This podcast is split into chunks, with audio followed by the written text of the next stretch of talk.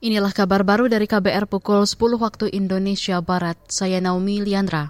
Dewan Kehormatan Penyelenggara Pemilu DKPP tahun ini sudah menangani 84 perkara terkait kode etik penyelenggara pemilu.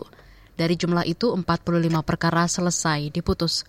Sedangkan berdasarkan amar putusannya, ada seratusan amar putusan terkait rehabilitasi teradu, 68 teguran tertulis, 4 pemberhentian tetap, dan satu pemberhentian jabatan ketua.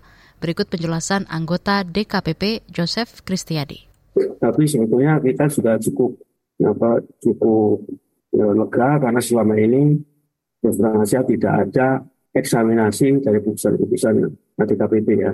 Semua di final. Kita menunggu kita kerja sebaik-baiknya. Ya. Anggota DKPP Joseph Kristiadi menambahkan sejak 11 tahun lalu, jumlah perkara yang terregistrasi di DKPP mencapai 2068 perkara. Dari jumlah itu, jumlah perkara yang diputus 2034 perkara.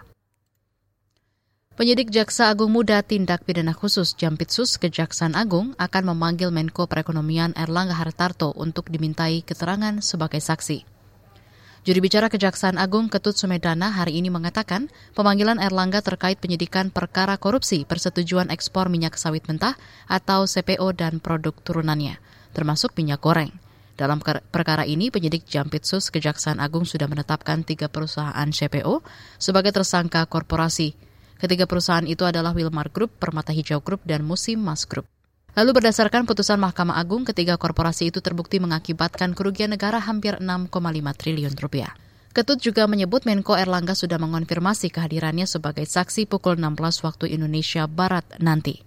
Dalam perkara tindak pidana korupsi yakni pemberian fasilitas ekspor CPO dan turunannya pada Januari 2021 hingga Maret 2022. Lima terdakwa sudah selesai disidangkan di Pengadilan Tipikor Pengadilan Negeri Jakarta Pusat.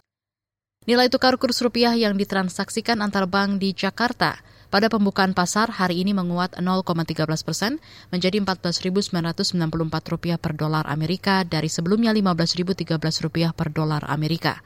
Sementara itu, indeks harga saham gabungan IHSG Bursa Efek Indonesia pada pembukaan perdagangan hari ini dibuka menguat 26,34 poin ke posisi 6.893. Sedangkan kelompok 45 saham unggulan atau indeks LQ45 naik 3,58 poin ke posisi 967,94. Demikian kabar baru, saya Naomi Liandra.